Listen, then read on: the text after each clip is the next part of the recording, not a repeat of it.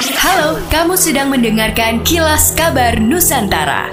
Podcast persembahan KG Radio Network menyajikan berita harian yang mengangkat keunikan dari berbagai wilayah Indonesia. Kilas Kabar Nusantara dapat juga didukung oleh pengiklan loh. Moms dan Dads ingin belajar pola asuh anak dan parenting dari ahlinya, sekaligus hiburan drama audio yang diangkat dari kisah nyata. Yuk dengerin podcast obrolan Meja Makan persembahan Media by KG Media bersama Nakita dan Nova hanya di Spotify. Dalam upaya memenuhi hak-hak sipil penghayat kepercayaan terhadap Tuhan Yang Maha Esa dan masyarakat adat di Indonesia, Kementerian Pendidikan, Kebudayaan, Riset, dan Teknologi menggelar rapat koordinasi bersama stakeholder terkait di Sulawesi Utara. Rakor dihadiri perwakilan Bupati dan Wali Kota se-Sulawesi Utara, Dinas Kependudukan dan Catatan Sipil, Badan Kesatuan Bangsa dan Politik, Kantor Wilayah Kementerian Agama, forum komunikasi antarumat beragama dan stakeholder terkait lainnya.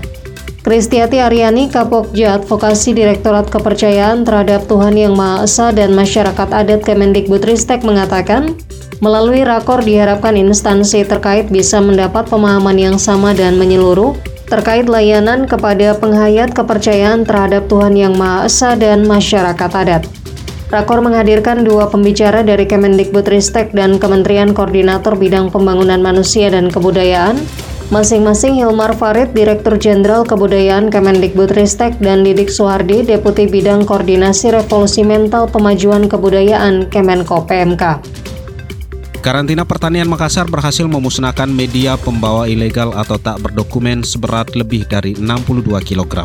Pemusnahan ini sebagai bentuk cegah tangkal masuknya hama penyakit hewan karantina atau HPHK dan organisasi pengganggu tumbuhan karantina atau OPTK sesuai amanah Undang-Undang Nomor 21 Tahun 2019. Kepala Karantina Pertanian Makassar Lutfi Nasir mengatakan terdapat tiga jenis HPHK dan OPTK yang dimusnahkan yakni hewan, tumbuhan, dan sampel laboratorium. Media pembawa ini berasal dari beberapa negara antara lain China, Saudi Arabia, Malaysia, Taiwan, Swiss, dan Thailand.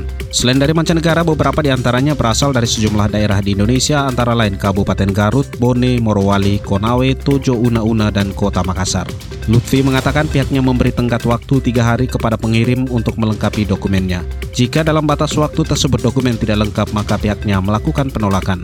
Adapun media pembawa yang dimusnahkan di antaranya berupa daging olahan ayam, daging bebek olahan, daging babi olahan, daging olahan domba, butter, hasil bahan asal hewan untuk pakan, hasil olahan lainnya yang berasal dari bahan hewan. Ada pula keju, daging sapi olahan, tanduk, jamur, teh, kapulaga, buah blueberry, benih bunga, bunga krisan, bunga sedap malam, buah persik, rempah-rempah hingga bibit tanaman obat. Demikianlah kilas kabar Nusantara pagi ini.